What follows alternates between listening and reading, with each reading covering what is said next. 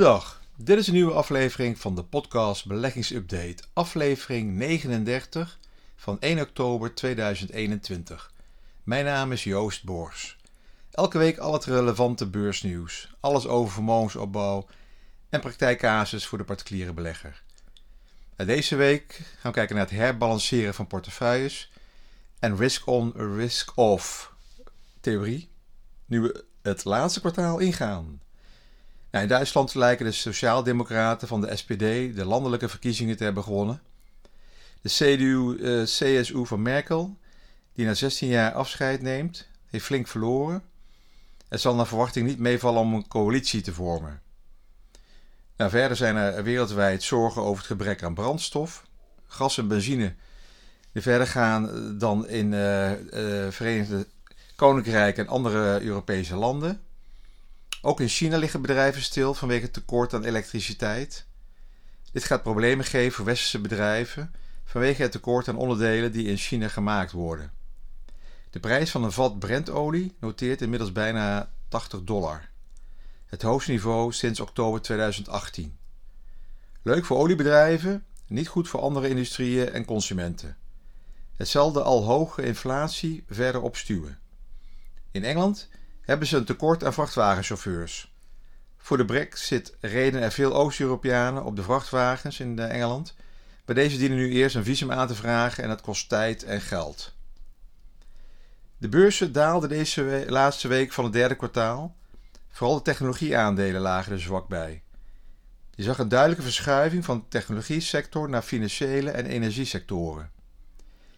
In de AX kregen ASML, Adyen en ASMI te maken met winstnemingen na de mooie stijging van de afgelopen negen maanden. En je zag weer uh, forse stijgingen voor Shell, ING en Egon. Banken en verzekeraars profiteren van hogere rentes. De energiesector van de hoge olieprijzen. Ja, wat ook een negatieve invloed kan hebben is het vertrek van twee vetbestuursleden. Dat is een Amerikaanse bank vanwege pensionering en of combinatie van uh, effectenhandel en integriteit. Beide hebben moeite met het uit handen geven van hun effectenportefeuille. Het waren wel twee uh, die moeite hadden met het ruime beleid van de geldcreatie. Het geeft wel aan dat er onmin is bij de centrale bank in Amerika over het te voeren beleid. Het lijkt wel een beetje op het kabinet in Nederland. Nou, de verschuiving van technologie naar achterblijvers komt ook wel dat, uh, omdat de eerste negen maanden van dit jaar de technologie-sector het goed gedaan heeft. Vooral in Nederland, de AX-index, heeft een stijging van circa 23% behaald. Maar deze stijging is grotendeels te danken aan de technologie-aandelen zoals ASML, ASMI en Adyen. De stijging van de AEX is beduidend hoger dan de beurzen elders in Europa. Zo steeg de breed samengestelde Stocks Europe 600 Index met 17%. Maar ook in vergelijking met Amerika heeft de Amsterdamse beurs het beter gedaan. Wel is de stijging in Amsterdam voor bijna 40% te danken aan ASML. Deze steeg circa 80% de eerste 9 maanden van dit jaar. Het andere macro-nieuws, het Amerikaans consumentenvertrouwen, is onverwacht voor de derde maand op rij gedaald.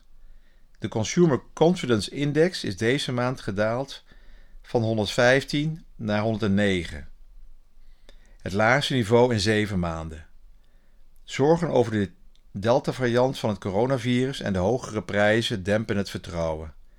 Dit kan een negatief effect hebben op de consumentenbestedingen, een belangrijk pijler onder de Amerikaanse economische groei.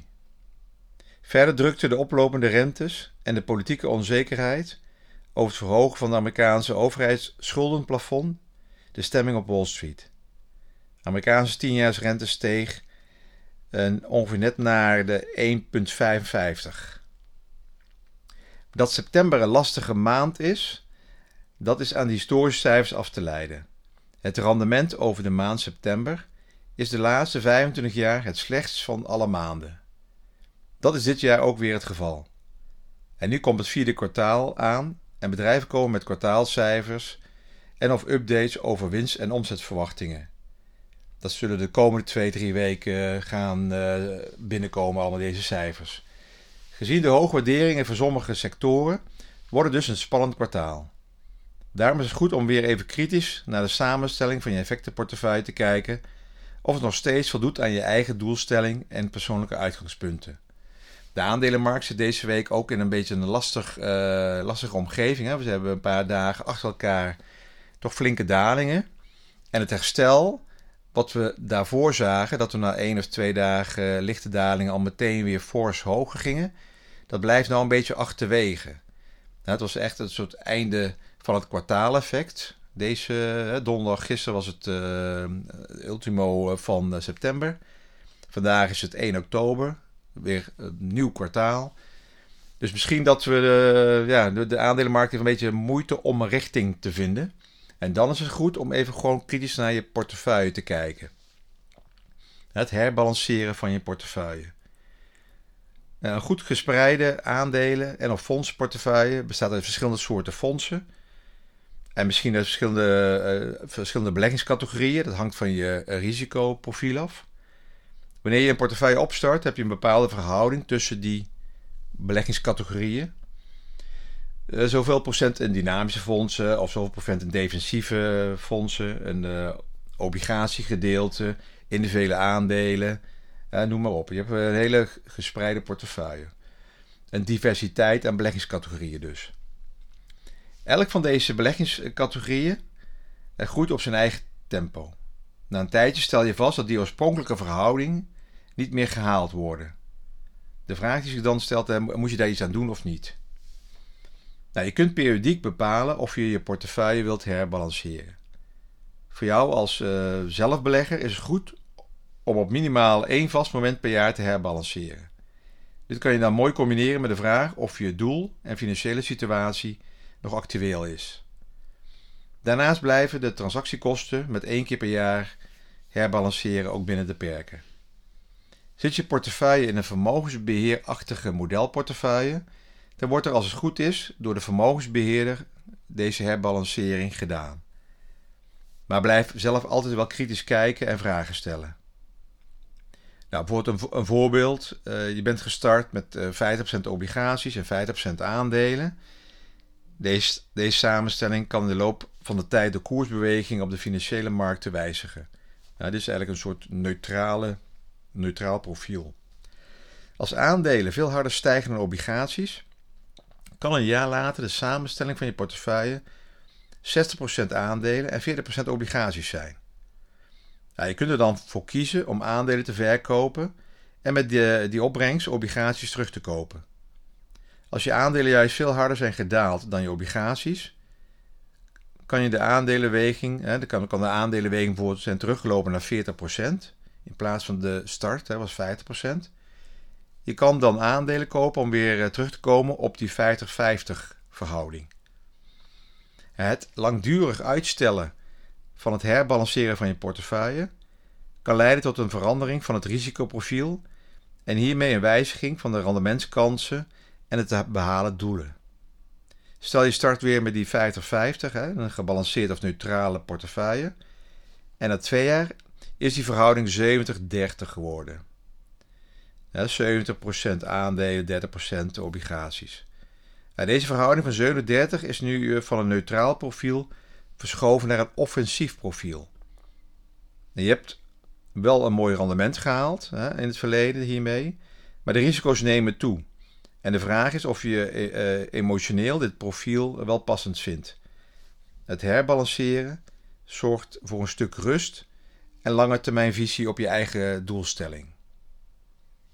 Nou, een term die uh, de laatste tijd ook wel vaak gebruikt wordt, is uh, risk on en risk off. Afgekort tot RORO. Nou, wat is nou risk on en risk off? Uh, risk on en risk off is een beleggingsomgeving waarbij prijsgedrag reageert op en wordt gedreven door veranderingen in de risicotolerantie van beleggers.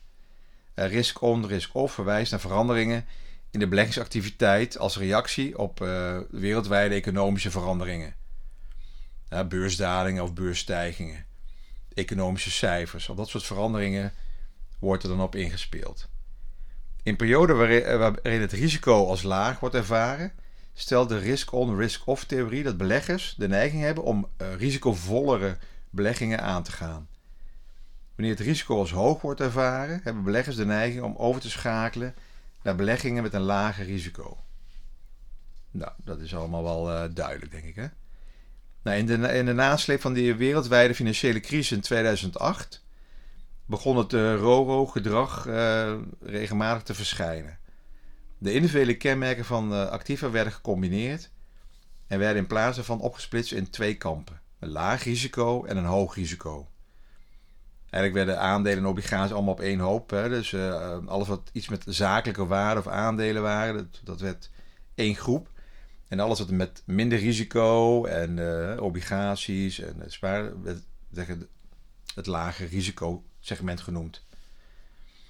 Dus aandelen en obligaties werden dan als belangrijke beleggingscategorieën gezien. En dit gedrag zag je ook weer terug de afgelopen 12 maanden. Dalingen in eh, maart, april van vorig jaar in die aandelen. En daarna een alsmaar oplopende beurs. Iedereen ging vol in risk-on modus. In tijden van hoog optimisme zetten beleggers hun risicoschakelaars aan en stapten over naar risicovolle beleggingsgroepen. niks meer sparen, niks meer in obligaties, uh, niet kijken naar uh, risicoprofielen, maar gewoon vol in, in risico's instappen. Als het sentiment negatief werd, gingen de schakelaars van beleggers over op de uitpositie en trokken ze zich als een kudde terug in, naar veilige havens dit betekent dat actieven de neiging hadden om met elkaar gecorreleerd te, te raken, positief of negatief. In plaats van individueel te bewegen. Risk-on en risk-off is een uh, marktbeïnvloedende factor. En eigenlijk wordt deze voor een groot deel bepaald door uh, zeker de centrale banken. Extreem lage rente drukt de belegger naar risico nemen. En verandering van het beleid dus kan uh, hier weer een verschuiving veroorzaken. In 2008 met die financiële crisis, de landencrisis, de kredietcrisis, problemen in Griekenland. Toen zag je al dat de, de rentes die begonnen gestaag te dalen. En sindsdien is de laatste, en dat, het is versneld. En je ziet nou ook de, de laatste twee jaar met die dalende rente, dat beleggers eigenlijk veel meer risico nemen dan dat ze eigenlijk in een normale marktomgeving emotioneel zouden nemen. Dus iedereen zit eigenlijk in een soort risk-on uh, modus. Ja, strategen stellen dat het op dit moment een combinatie van de stijging van de, deze afgelopen twee weken, stijging van de olieprijs, zorgen over die Chinese economische groei, en zorgen over die renteverhogingen die de Fed waarschijnlijk volgend jaar gaat invoeren. die hebben geleid tot nu tot een, een soort risk-off omgeving volgens uh, analisten is die RORO opnieuw de belangrijkste marktstuurkracht. dus je ziet nou ook die dalingen van de afgelopen 4, 5 dagen, dat iedereen tegelijk toch uh, langzaam zijn portefeuille aan het uh, herbalanceren of aan het aanpassen is. Omdat ze nou toch wat meer risico's zien in de toekomst. Het is eigenlijk niks anders dan dat door de snelheid van informatie dat beleggers tegelijk risicovolle beleggingen willen beschermen, winsten eh, veilig willen stellen en hiermee eigenlijk ook zorgen voor uh, koersdruk. Iedereen zoekt tegelijk dezelfde nooduitgang op in een crisissituatie. Dus RORO en het herbalanceren van portefeuilles lijken misschien wel op elkaar, maar het verschil is dat ieder individu op elk moment zijn eigen portefeuille kan herbalanceren of kritisch kan bekijken. En bij het RORO-effect, het risk-on, risk-off, dat de markt echt een, een, een uh, beïnvloedende factor is geworden, het RORO, is het meer dat door een plotselinge gebeurtenis of economische cijfers er een soort paniekreactie ontstaat waarbij emoties een grote rol gaan spelen. Mensen hebben gewoon te veel risico's in de portefeuille zitten omdat uh, door, door de marktomgeving gezegd wordt van ja, sparen, sparen, dat levert niks op. Ga allemaal maar lekker beleggen. En als er dan plotseling wat verandert in de marktomgeving, hè, de rente loopt wat op, of de verwachting dat de rente gaat uh, verhoogd gaat worden volgend jaar, of slechte economische cijfers, ja, dan krijg je toch dat mensen tegelijk hun uh, risico's willen gaan afbouwen. Nou, ik hoop dat ik de term uh, RORO heb, uh, iets heb kunnen verduidelijken.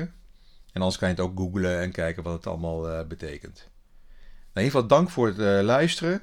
Alles weer op basis van mijn persoonlijke visie en openbare informatie. Dus het is geen direct beleggingsadvies. Oké, tot de volgende week dan maar weer. Dank.